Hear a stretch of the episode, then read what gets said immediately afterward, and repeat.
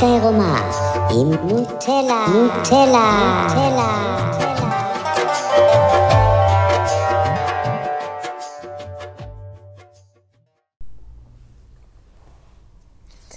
איי איי איי, מה יהיה עם כל האכזבות האלה? מה יהיה, מה יהיה?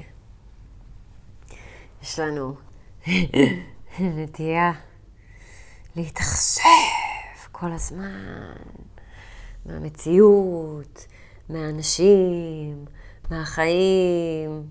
כל הזמן אכזבות, אכזבות, אכזבות, שמתערמות אחת על השנייה. עד אין סוף. זה יכול להיות אכזבות מאנשים שחשבנו שהם התנהגו בצורה מסוימת, והם בסוף התנהגו בצורה אחרת. זה יכול להיות אכזבות מהחיים, שחשבנו שילכו לכיוון מסוים, והלכו בכלל לכיוון אחר. יכול להיות אכזבה מהבן זוג, שקיוויתי שהוא יגיד משהו והוא לא אמר. יכול להיות אכזבה מעצמי, שחשבתי שאני מסוגלת ליותר ולא הצלחתי. אנחנו כבר כולנו מספיק בוגרים וחכמים כדי להבין שכדי להתאכזב צריכה להיות שם מראש ציפייה. וציפייה זה דבר חמוד ומתוק וילדי ומאוד תמים, אבל בסופו של דבר אם נבחן את הציפייה לעומק נגלה שהיא המצאה. אה, סתם סיפור שהמצאנו. אני מצפה שהוא יגיד לי כמה אני יפה דבר ראשון שהוא נכנס הביתה. למה? לא יודעת, נראה לי כיף. נראה לי שהוא צריך, נראה לי שהוא אמור, נראה לי שזה מה שאני רוצה, אז אני מצפה לזה. ואז הוא נכנס הביתה ומותק מדבר איתי על העבודה וכל מיני דברים שקשה לו איתם, ואני מתאכזבת. ואז אני לא מקשיבה לו עד הסוף, אני קצרה איתו, הוא לא מבין למה. כועסת עליו, הוא לא יודע למה. התאכזבתי, כי ציפיתי שהוא יעשה משהו שהוא לא. זה קורה לנו לא יודעת, כל הזמן. ובכל מיני סיטואציות עם כל מיני אנשים, כל מיני מצבים שונים, אנחנו מתאכזבים. ובגלל שאני מאמינה אדוקה בזה שהבחוץ היא שיקוף של מה שיש בתוכי, אני יכולה להשתמש באכזבות האלה שאני מרגישה, כדי לראות איפה אני מרגישה מאוכזבת מעצמי, ואיפה היו לי ציפיות לא מציאותיות מעצמי.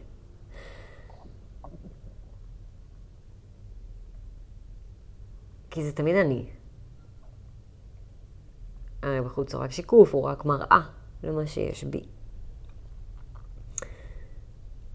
ויש לי כל הזמן ציפיות מעצמי בראש.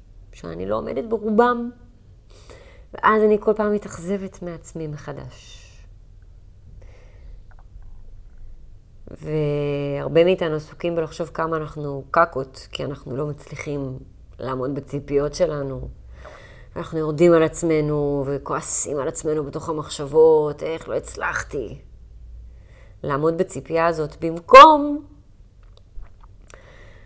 לשנות את הציפייה, או לא לצפות. שזה קסם של דבר שמצליחים uh, להבין את זה, אבל קודם כל, כמו כל דבר בתהליך הזה של עבודה פנימית, לא משנה באיזה זרם אתם הולכים, אני חייבת להתחיל לשים לב בכלל מלכתחילה למחשבות שיש לי בראש שלי שקשורות לציפיות ואכזבות. כי אם אני לא אשים לב אליהם, אני לא יכולה להשתמש בהם בתור הדלת שהם, השער שהם, השער פנימה. למי אני, מה אני, כל השאלות החשובות האלה.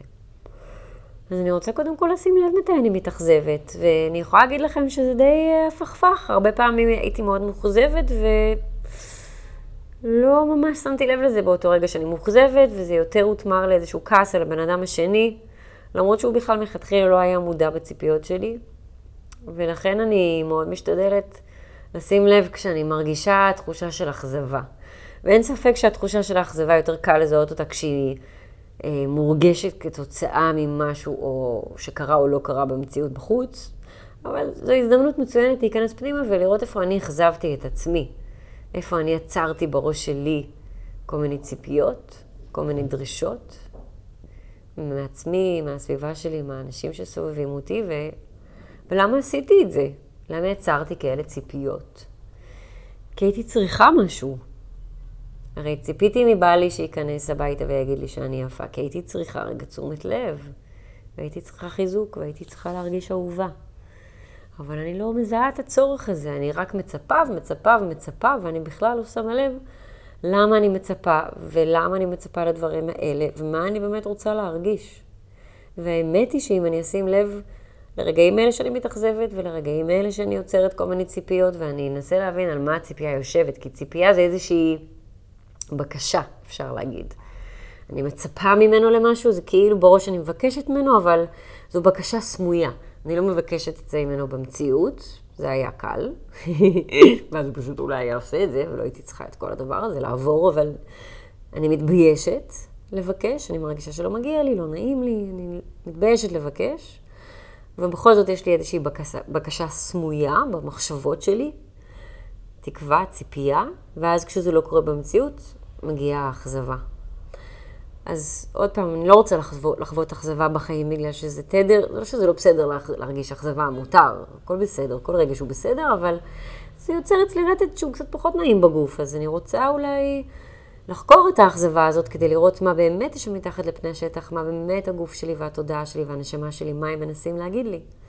אז אם אני הולכת אחורה אחרי הציפייה, אני רואה בקשה, ומהבקשה אני רואה איזשהו חוסר, ובגלל החוסר הזה רציתי להרגיש משהו, ואז באה הבקשה. החוסר הזה, mm, זה העניין. כי באותו רגע הרגשתי לא טוב, ואני בבית לבד, ולא יודעת, אולי אני עם הילדים כל היום בבית, ואני לא עובדת, ואני לא רואה אנשים, ואני קצת מרגישה שאני לא שווה, לא מרגישה טוב עם עצמי, ואני לא יודעת איך להתמודד עם זה. אז אני יוצרת בקשה. הלוואי ובעלי יגיד לי שאני כל כך מדהימה, דבר ראשון שהוא יבוא, ואז אני ארגיש קצת יותר טוב עם עצמי. ומזה ציפייה ואכזבה, וכבר הבנו את התהליך הזה. החוסר הזה, את יכולה לטפל בו בעצמך. את יכולה להתחיל יותר לראות את עצמך, להקשיב למחשבות, להקשיב לבקשות, להקשיב לאינטואיציה, יותר לפעול, יותר לעשות, יותר לתת לעצמך אהבה בכל מיני דרכים, כדי למלא את החוסר הזה. אין, אין ספק שגם אה, כיף לקבל מבן הזוג את האהבה ואת התמיכה הזאת. אבל אם אני באה מלאה באהבה לבן, לבן זוג שלי, אז אני יכולה להגיד לו, ממי, אני מרגישה קצת נמוך היום, בא לך קצת להחמיא לי ולעזור לי להרים את המצב רוח. אפשר להגיד דבר כזה לבן זוג, מותר, הוא אוהב אותך, הוא לטובתך, הוא ישמח לעשות את זה בשבילך. הבעיה זה הבושה. כי כאילו אנחנו מתביישים בחוסר הרגשי שלנו, כאילו זה לא בסדר, או זה הופך אותנו לאנשים לא בסדר, שיש לנו חוסר, אנשים חלשים, זה כאילו אנחנו נורא נבוכים מזה. אבל הבן זוג שלך, הוא אוהב אותך, והוא ישמח לדעת שאת בחוסר הזה, והוא גם ישמח לעזור לך לצאת ממנו, אז הוא בטוח לא ידע לעשות את זה אם לא תדברי איתו על זה, אבל אם תדברי איתו על זה מהמקום של החוסר, זה יוצא כבר תלות, וזה יכול ליצור ריבים, אז כן, אני רוצה, דבר ראשון, ל- ללמוד לשים לב לחוסר הרגשי שיש לי בכל מיני תחומים שונים, ואני רוצה ללמוד דרך כל מיני טכניקות ודרכים איך למלא את החוסר הזה בעצמי, לפחות עד ה-70 אחוז.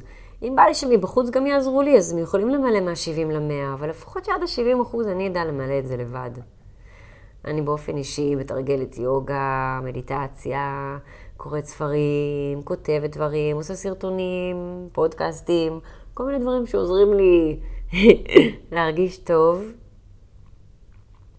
שעוזרים לי למלא את החוסר הזה. ואני מודה שנגיד הדברים החוצה, כמו פודקאסט וסרטונים, אני עושה כבר שאני ב-70 אחוז, כאילו זה הבחוץ שלי שממלא לי את העוד 30 אקסטרה, אבל כדי להגיע ל-70 אחוז אני מבלה הרבה זמן עם עצמי בשקט. אני קוראת, אני מדיטציה, מדברת עם עצמי, מדברת עם הילדה שבי, מדברת עם אלוהים, מדברת עם, לא יודעת, כלום ושום דבר, מגיעה למצבי שקט ודרך התחושות ודרך האנרגיה בגוף, אז אפשר למצוא כל מיני דרכים למלא את החוסר, אבל מומלץ שאנחנו נלמד כאנשים בוגרים, גם גברים וגם נשים, לא יודעת, זו ההמלצה שלי, מהניסיון שלי, שכן מומלץ ללמוד דרכים איך למלא את זה לבד. כדי לעשות את זה כמובן, אני צריכה בכלל לשים לב שהחוסר שם. ולזה מיינדפולנס, מדיטציה, התבוננות במחשבות, נוכחות בכאן ועכשיו, כל הדברים האלה מאפשרים לי לשים לב בכלל שאני מאוכזבת כרגע. כי האכזבה כנראה יהיה הדבר שמתוך כל הדברים האלה שדיברתי עליהם, האכזבה כנראה תהיה הדבר שאתם כן תראו. כי אתם כן מרשים לעצמכם להרגיש מאוכזבים, כי להיות מאוכזב זה אומר שמישהו אחר היה לא בסדר, ואני התאכזבתי ממנו.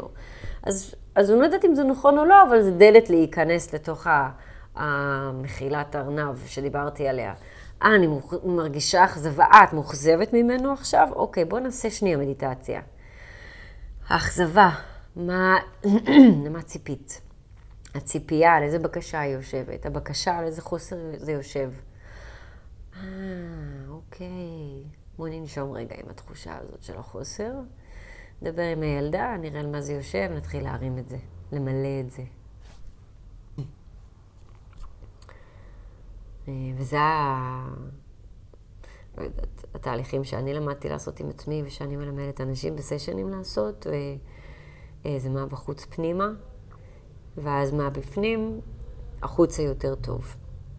כי הבפנים תמיד מייצר את הבחוץ. אז אני רוצה לדאוג טוב טוב לבפנים, לחפור שם, לנקות שם, להביא לשם אור, להביא לשם חמלה, אהבה, סבלנות, שקט, רוגע, ענווה. ואז הבחוץ שלי אה, יהיה בהתאם, ועם עם הזמן, עם התרגול ועם ההתמדה, אז אני גם לאט לאט פחות ופחות אחווה את הרטט הזה של אכזבה.